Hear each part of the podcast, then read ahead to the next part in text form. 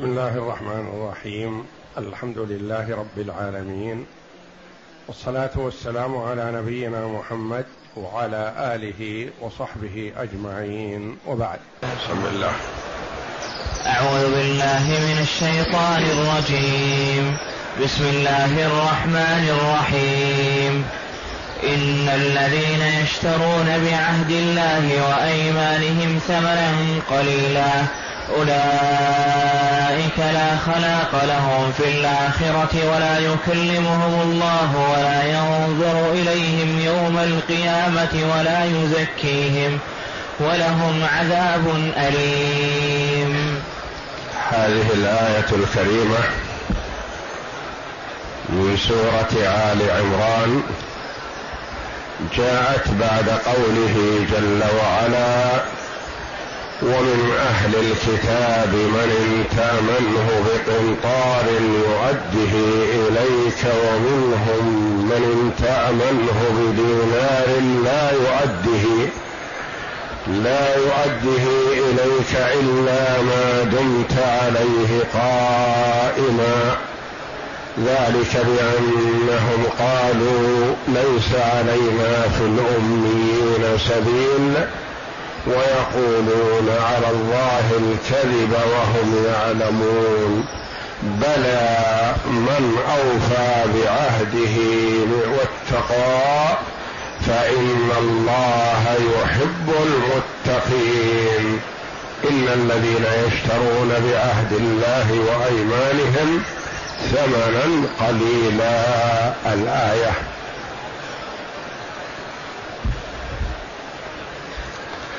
هذه الآية الكريمة قيل في سبب نزولها أن اليهود لما كتموا صفة محمد صلى الله عليه وسلم التي أنزلها الله جل وعلا في كتابه التوراة المنزل على موسى عليه وعلى نبينا أفضل الصلاة والسلام. وقد أخذ عليهم العهد أن يبينوا صفته وأن يتبعوه. وقد بين جل وعلا أنهم يعرفونه كما يعرفون أبناءهم. فلما عرفوه حسدوه وحسدوا العرب الذي بعث منهم. فكتموا صفته وجحدوها. وافتروا كذبا بأن هذا ليس هو النبي الموعود به في آخر الزمان. ومنهم من قال هو النبي لكنه للعرب خاصة. فكتموا العهد الذي أخذ الله عليهم واشتروا بذلك ثمنا قليلا وهو ما يعتاضون عنه ويأخذونه من سفلتهم وعامتهم من المال الحرام. خشوا أنهم إن اتبعوا محمدا صلى الله عليه وسلم انقطع ما يأتيهم فكتموا صفته وجحدوا نبوته. فأنزل الله جل وعلا إن الذين يشترون بعهد الله وأيمانهم ثمنا قليلا. أولئك لا خلاق لهم في الآخرة ولا يكلمهم الله ولا ينظر إليهم يوم القيامة ولا يزكيهم ولهم عذاب أليم. وفي هذه الآية تحذير لمن آثر الدنيا على الآخرة واتبع الباطل رغبة في مال أو جاه أو منفعة دنيوية فإنه ممن اشترى بعهد الله ويمينه ثمنا قليلا. كما أن في هذه الآية الكريمة تحذير للمرء من أن يحلف اليمين الكاذبة ليقتطع بها مال امرئ هو حرام عليه. حتى وإن كان شيئا يسيرا فتنطبق عليه هذه الآية الكريمة. يقول الله جل وعلا ان الذين يشترون بعهد الله الشراء والبيع اذا اطلق احدهما صدق على الآخر. يقال لكل من المشتري والبائع مشتري ويقال له بايع. واذا اتيا معا فالغالب أن المشتري هو من يدفع الثمن من دراهم ودنانير. والبايع هو من يدفع السلعة. وإذا قيل هذا اشترى فيصدق عليه في كون شاري وبايع. وإذا قيل هذا باع فيصدق على الاثنين معا. إن الذين يشترون يعني يعتاضون ويأخذون بعهد الله يعني بدل العهد الذي أخذ عليهم يأخذون عليه مقابل من المال. أخذ الله العهد على أهل الكتابين بانه إن بعث محمد صلى الله عليه وسلم ومنهم حي فإنه يجب عليهم اتباعه. وقد أخذ العهد هذا الأنبياء السابقون صلوات الله وسلامه عليهم أجمعين على أممهم. وانه بعث محمد وهم أحياء فيجب عليهم أن يتبعوه.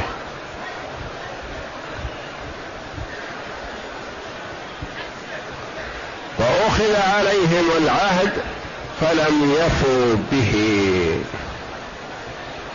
واشتروا بهذا العهد ثمنا قليلا. لو كان مئات والاف الملايين فهو قليل بالنسبة لما خسروه من الآخرة. الدنيا كلها لا قيمة لها عند الله. والمال فيها وإن كثر فهو إلى قل. إما أن يفنى وإما أن يذهب عنه صاحبه. فيعتبر قليل.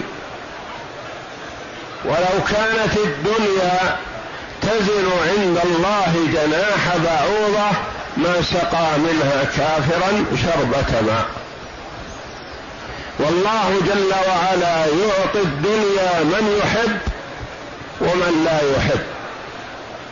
فلا يدل العطاء على المحبة. يقول أنا أحب إلى الله منك لأن الله أعطاني في الدنيا. نقول لا.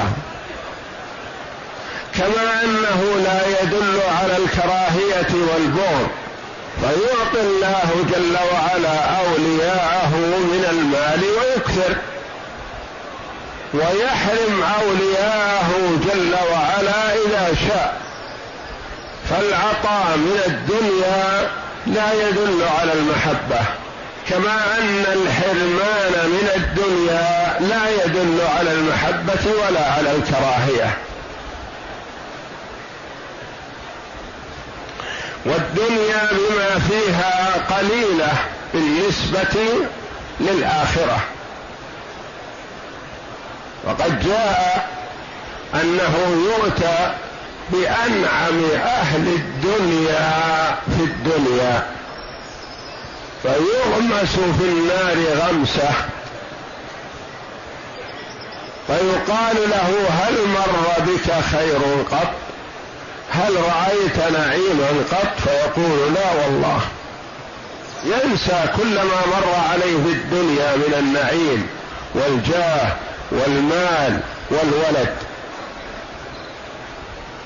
ويؤتى بأشد الناس بؤسا في الدنيا فيصبغ في الجنة صبغة. فيقال له هل مر بك سوء قط؟ هل رأيت شرا قط؟ فيقول لا والله يا ربي. ينسى. كل بؤس الدنيا وتعب الدنيا وشقاء الدنيا ينساه. المنعم في الآخرة. كما أن المعذب في الآخرة ينسى كل نعيم الدنيا. اهوى إلى الاضمحلال سواء كان نعيم أو شقاء. ينتهي. إن الذين يشترون بعهد الله وأيمانهم ثمنا قليلا العهد ما يؤخذ عليهم. سواء كان ما أخذه الله جل وعلا على الأمم أو ما أخذته الأنبياء عليهم الصلاة والسلام على الأمم أو ما عاهد عليهم رغم أخا له أو إماما أو واليا وخانه في ذلك من أجل مطلب دنيوي. بعهد الله وأيمانهم أيمانهم جمع يمين يعني حلف اليمين ليعتاض بها شيئا من متاع الدنيا. التي تسمى اليمين الغموس. فالأيمان ثلاثة أنواع. لغو اليمين واليمين المنعقدة والمكفرة يعني التي تدخلها الكفارة. واليمين الغموس التي تغمس صاحبها في النار أو في الإثم. ثلاثة أنواع. اليمين التي هي لغو اليمين هذه لا إثم فيها ولا كفارة والحمد لله. معفو عنها. وهي قول الرجل لا والله وبلا والله ما قصد اليمين. وإنما جرت على لسانه كما فسر ذلك عائشة رضي الله عنها. في قوله تعالى لا يواخذكم الله باللغو في أيمانكم. تقول لا والله وبلا والله على اللسان. درجة بدون تقصد يمين وحلف. هذه لا إثم فيها والحمد لله ولا كفارة لأن الله جل وعلا يقول لا يواخذكم الله باللغو في أيمانكم. الثانية اليمين المنعقدة أو اليمين المكفرة يعني التي تدخلها الكفارة وهي أن تحلف على فعل شيء مستقبل. أو على أن تترك شيئا مستقبل فهذه يندب إذا كان الحنث فيها خير يندب للإنسان أن يحنث ويعطي الكفارة. وإذا لم يكن في الحنث خير فهو في الخيار. إن شاء حنث وأعطى الكفارة وإن شاء استمر في يمينه. فإذا كان في الحنث خير فالأولى له أن يحنث كما قال عليه الصلاة والسلام إني والله إن شاء الله ما حلفت على يمين فرأيت غيرها خيرا منها إلا أتيت الذي هو خير وتحللتها. حلف لا يدخل دار زيد أو دار ابنه أو دار بنته أو دار أخيه أو دار جاره أو لا يأكل من طعامه أو لا يركب معه في سيارته أو لا يكلمه أو لا يعطيه ونحو ذلك. فنقول الأولى في مثل هذه الأمور أن تحنث في يمينك يعني تلغيها وتكفر عن يمينك. تأكل من طعام زيد إذا كان يسره ويدخل السرور عليه. تدخل دار ابنك دار بنتك دار ولدك دار جارك دار صاحبك وتكفر عن يمينك.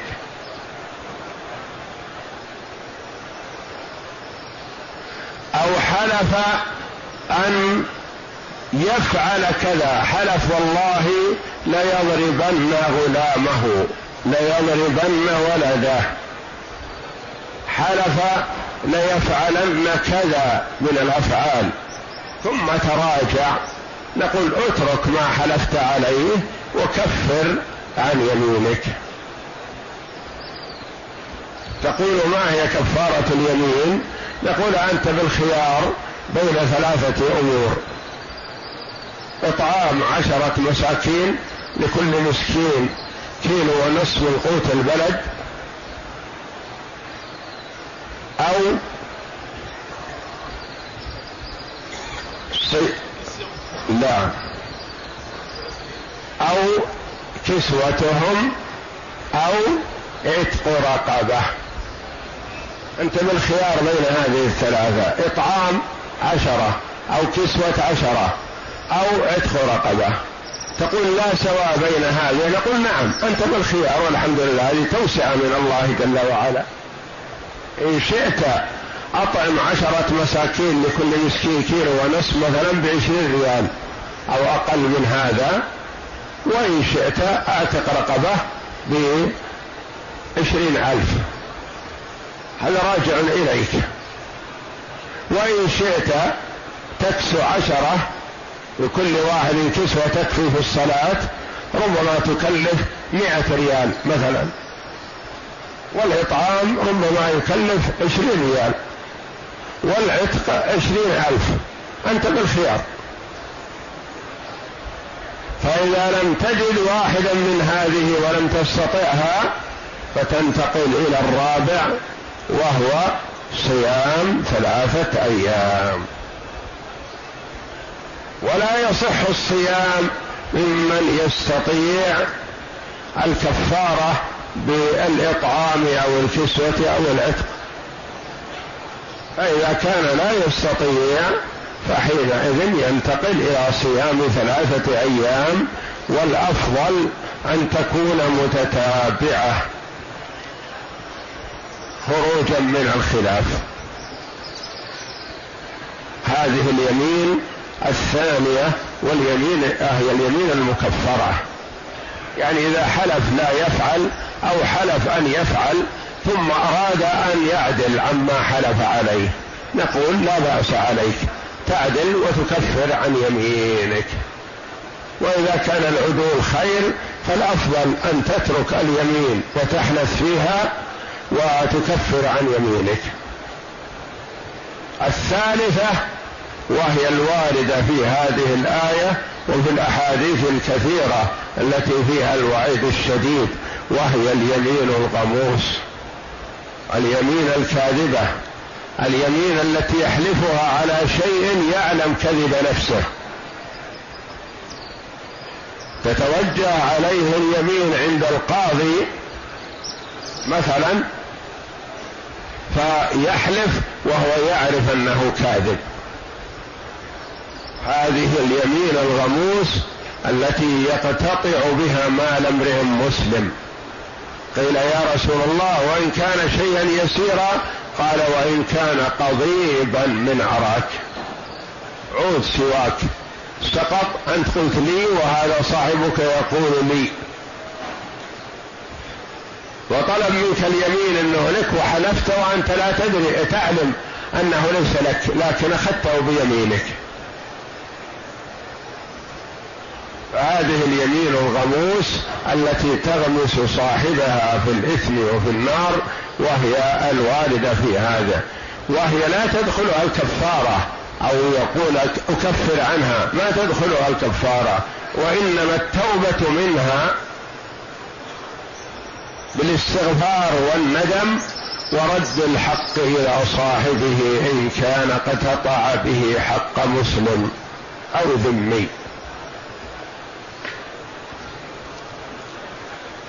إن الذين يشترون بعهد الله وأيمانهم ثمنا قليلا. قد يقول قائل هذه اليمين أنا أقتطع بها عشرة ملايين. هذا قليل؟ يقول نعم. كل ما في الدنيا قليل بالنسبة لعذاب الآخرة ونعيم الآخرة. ما يقارن بشيء. كل ما في الدنيا لا يساوي شيء بالنسبة لما في الآخرة. لا من نعيم الدنيا ولا عذاب الدنيا كله لا شيء. ولا من مال الدنيا كله لا شيء. بالنسبة للآخرة. ثمنا قليلا أولئك هؤلاء. وأتى جل وعلا بالإشارة للبعيد للدلالة على انحطاط منزلتهم وبعدها في الحضيض والعياذ بالله. أولئك لا خلاق لهم في الآخرة. ليس لهم نصيب في الآخرة ولا حظ. ولا يكلمهم الله. إن كانت في الكفار فنعم لا يكلمهم الله ابدا. وإن كانت في المؤمن الفاسق أو الفاجر فلا يكلمه الله جل وعلا كلام عطف ورحمة. ولا يكلمهم الله ولا ينظر إليهم. هذا وعيد شديد وتحذير للمسلم من أن يقع في مثل هذا. ولا يزكيهم لا يطهرهم من الأرجاس والأدناس. بل تتراكم عليهم الذنوب والعياذ بالله. ولهم في الآخرة عذاب أليم مؤلم شديد موجع. يندمون على ما حصل منهم. وقد أورد العماد بن كثير رحمه الله بعض الأحاديث الصحيحة الواردة عن النبي صلى الله عليه وسلم في التحذير من اليمين الكاذبة. نسمعها من تفسير ابن كثير رحمه الله. اقرأ. يقول تعالى إن الذين يعتاضون عما عاهدوا الله عليه من اتباع محمد صلى الله عليه وسلم وذكر صفته للناس وبيان أمره وعن أيمانهم الكاذبة الفاجرة بالأثمان القليلة الزهيدة وهي عروض هذه الحياة الدنيا الفانية الزائلة. أولئك لا خلاق لهم في الآخرة أي لا نصيب لهم فيها ولا حظ لهم منها.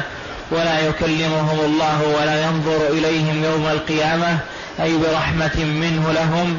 يعني لا يكلمهم الله كلام, لا لا كلام لطيف بهم ولا ينظر إليهم بعين الرحمة ولا يزكيهم أي من الذنوب والأدناس بل يأمر بهم إلى النار ولهم عذاب أليم.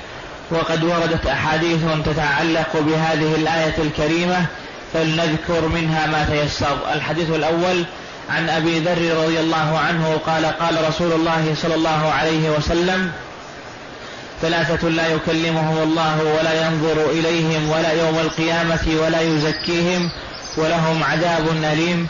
قلت يا رسول الله من هم؟ خسروا وخابوا. قال وأعاده رسول الله صلى الله عليه وسلم علي ثلاث مرات. يعني يعيدها ولم يبين من هم هؤلاء. قال ثلاثة لا يكلمهم الله. نعم. قال المسبل. حتى يشوق.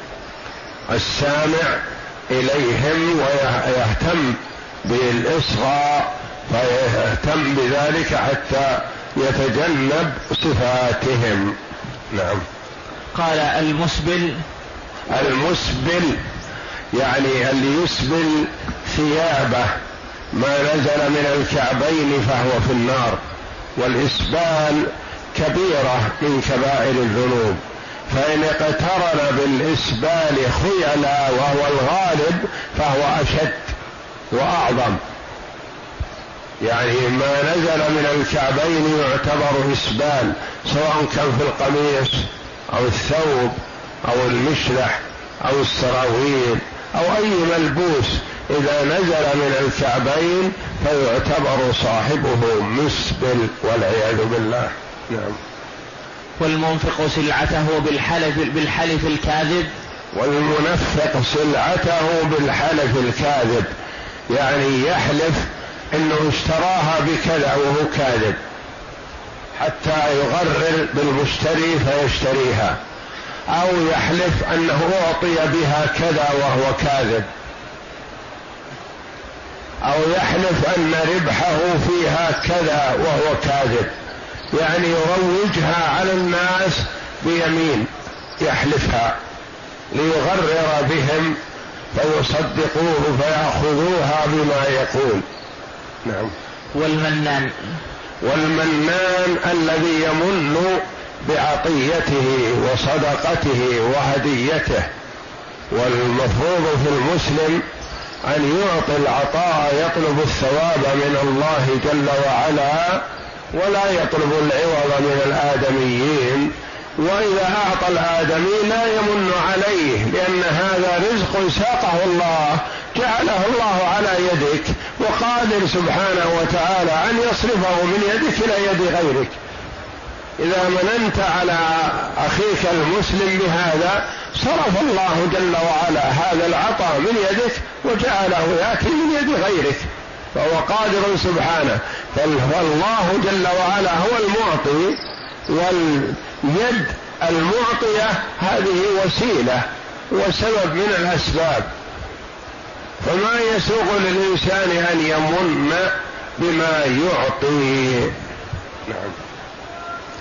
الحديث الثاني وعن عدي بن عميرة الكندي قال خاصم رجل من كنده يقال له امرؤ القيس بن عامر رجلا من حضر موت إلى رسول الله صلى الله عليه وسلم في أرض فقضى على الحضرمي بالبينة فلم يكن له بينة فقضى على امرؤ القيس باليمين. فقال الحضرمي أمكنته يا رسول الله؟ أمكنته من اليمين يا رسول الله؟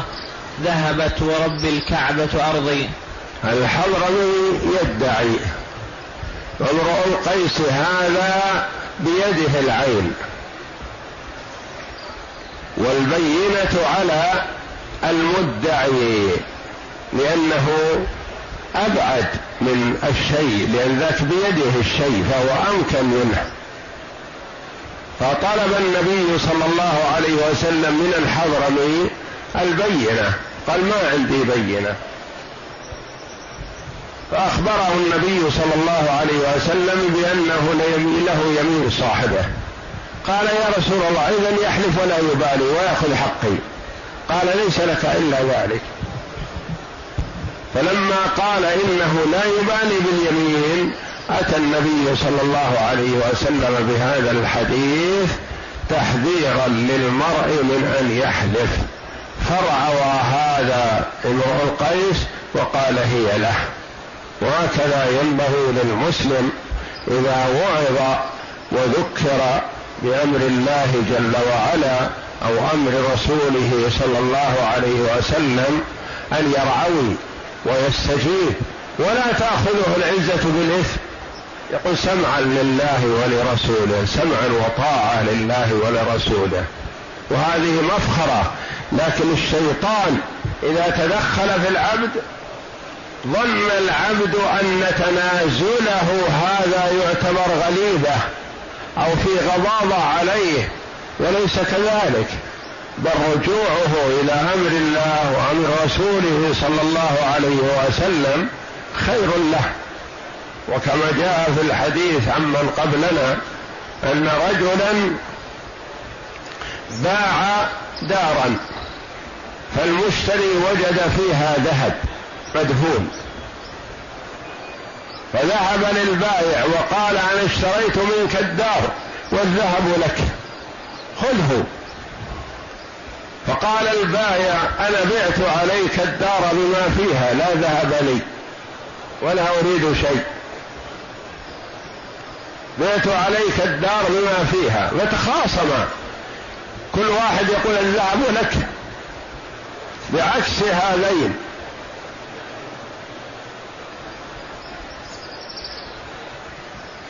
فكل واحد يقول ليس لي ما أريد شيئا لي.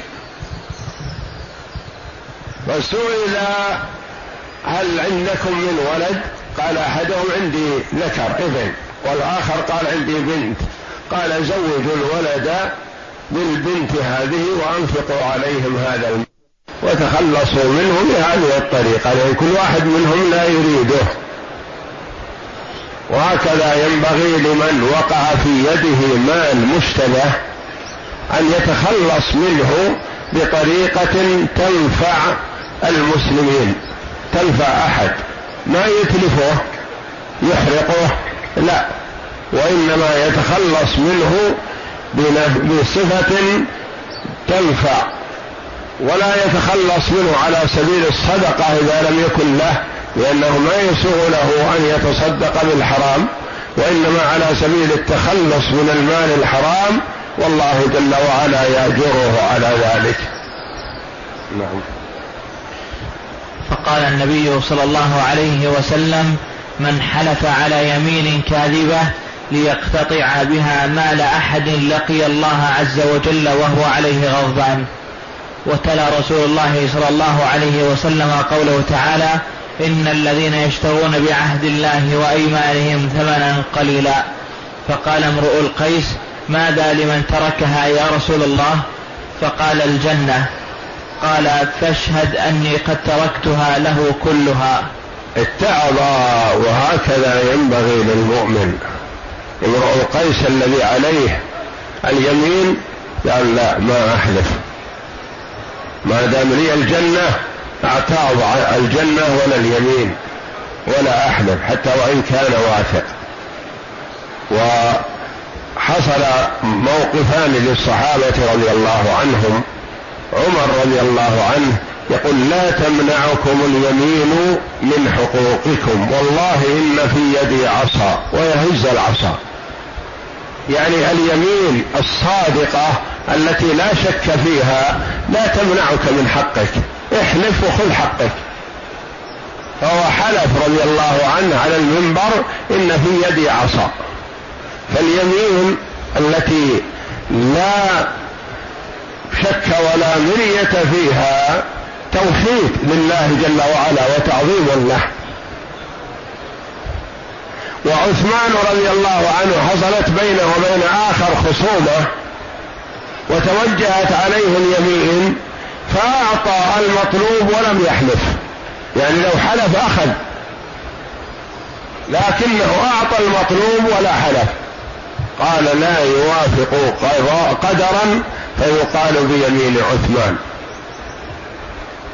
وهو واثق رضي الله عنه من يمينه لكنه ما قبل أن يحلف.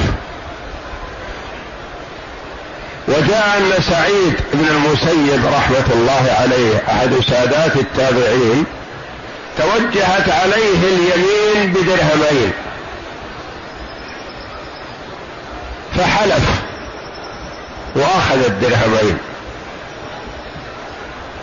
وتوجهت عليه اليمين بالبراءة من أربعين ألف. فأبى أن يحلف ودخل السجن. حتى يسدد. فقيل له يرحمك الله بالأمس تحلف يمين على درهمين وتأخذها. وش تستفيد من الدرهمين؟ ثابت نصف ريال تقريبا.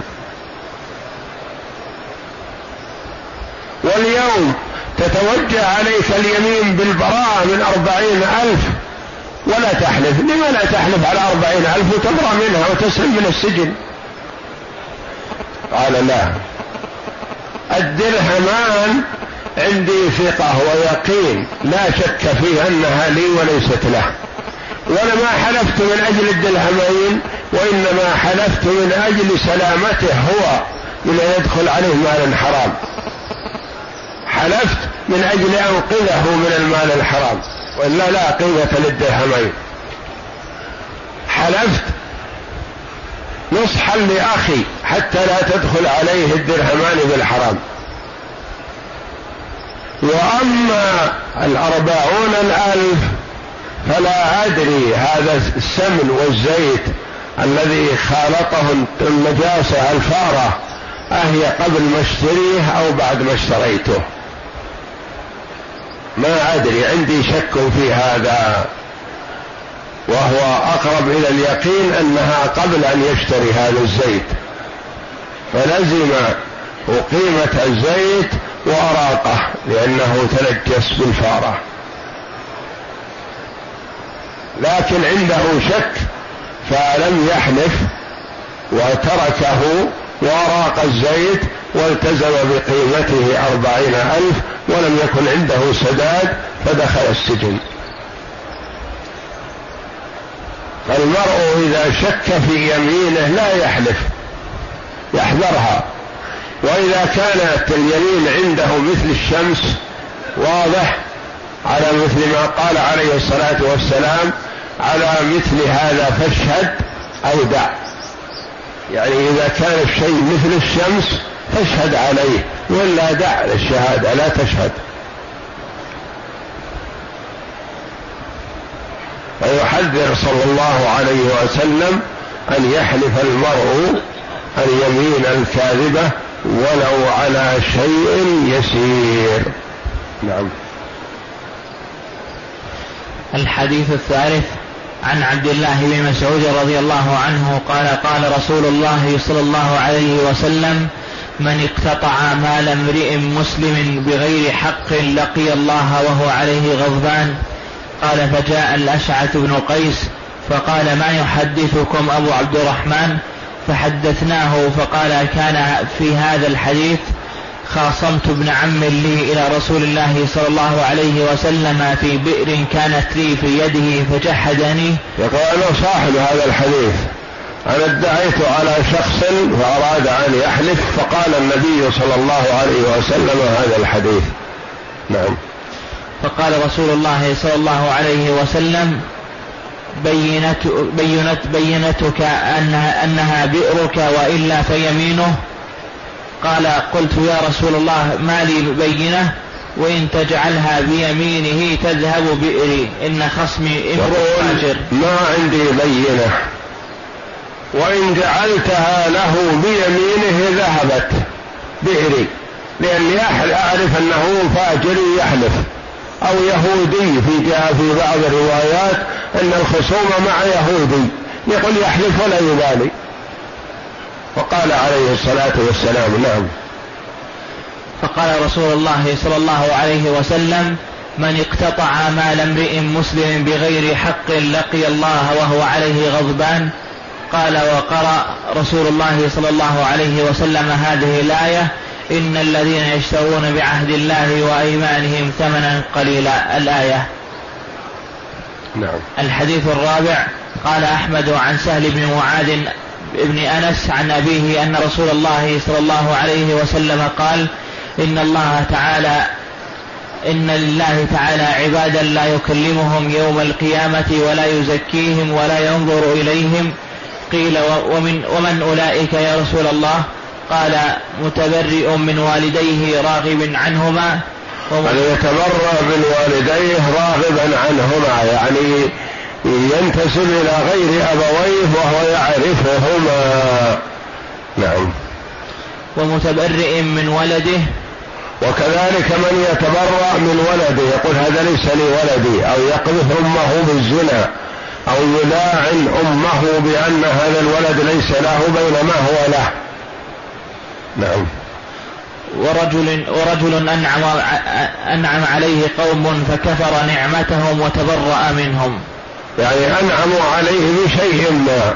أعطوه ربوه آه تفضلوا عليه بعطية اعتقوه أي نعمة من النعم؟ ثم تخلى عنهم وأنكر نعمتهم. يكون جاحد للنعمة كفور بالنعمة. نعم. الحديث الخامس عن عبد الله بن أبي أوفى أن رجلا أقام سلعة له في السوق فحلف بالله لقد أعطي بها ما لم يعطه ليوقع فيها رجلا من المسلمين. فنزلت هذه الآية إن الذين يشترون بعهد الله وأيمانهم ثمنا قليلا الآية. جاء أنه عرض سلعته صباحا ثم عرضها مساء. فجاءه شخص في المساء وقال لقد حلف أنه أعطي بها كذا في الصباح ولولا أن الليل مقبل ما كان يبيعها بهذه القيمة. فغرر هذا المشتري فأخذها ف جاء هذا الحديث في من حلف على سلعة ليغرر بها مشتري. نعم. الحديث السادس عن أبي هريرة عن أبي هريرة رضي الله عنه قال قال رسول الله صلى الله عليه وسلم ثلاثة لا يكلمه الله يوم القيامة ولا ينظر إليهم ولا يزكيهم ولهم عذاب أليم رجل منع ابن السبيل فضل ما عنده؟ فضل. فضل ما عنده؟ فضل ماء عنده. رجل رجل منع ابن السبيل فضل ماء عنده ورجل حلف على سلعة بعد العصر يعني كاذبا يعني ابن السبيل العابر في طريقه المسافر الماشي. وهو في حاجة إلى الماء فيمنعه هذا. يقول لا تأخذ من بيري ماء لا تأخذ من حوضي ماء. وهذا الماء فيه زيادة ليس في حاجة إليه. نعم. والآخر ورجل حلف على سلعة بعد العصر يعني كاذبة. بعد العصر لأنه أشد وأكثر أشد إثما إذا حلف بعد صلاة العصر. نعم. ورجل بايع إماما فإن أعطاه وفى له وإن لم يعطه لم يف له. ورجل بايع إماما أنه يفي له. فتوقف هذا. إن أعطي وفى. وإن لم يعطي يعطى نقض العهد. يكون وفاؤه ونقضه مترتب على ما يعطاه. ما يبالي بعهده الذي أعطى. نعم. والله أعلم وصلى الله وسلم وبارك على عبده ورسول نبينا محمد وعلى آله وصحبه أجمعين.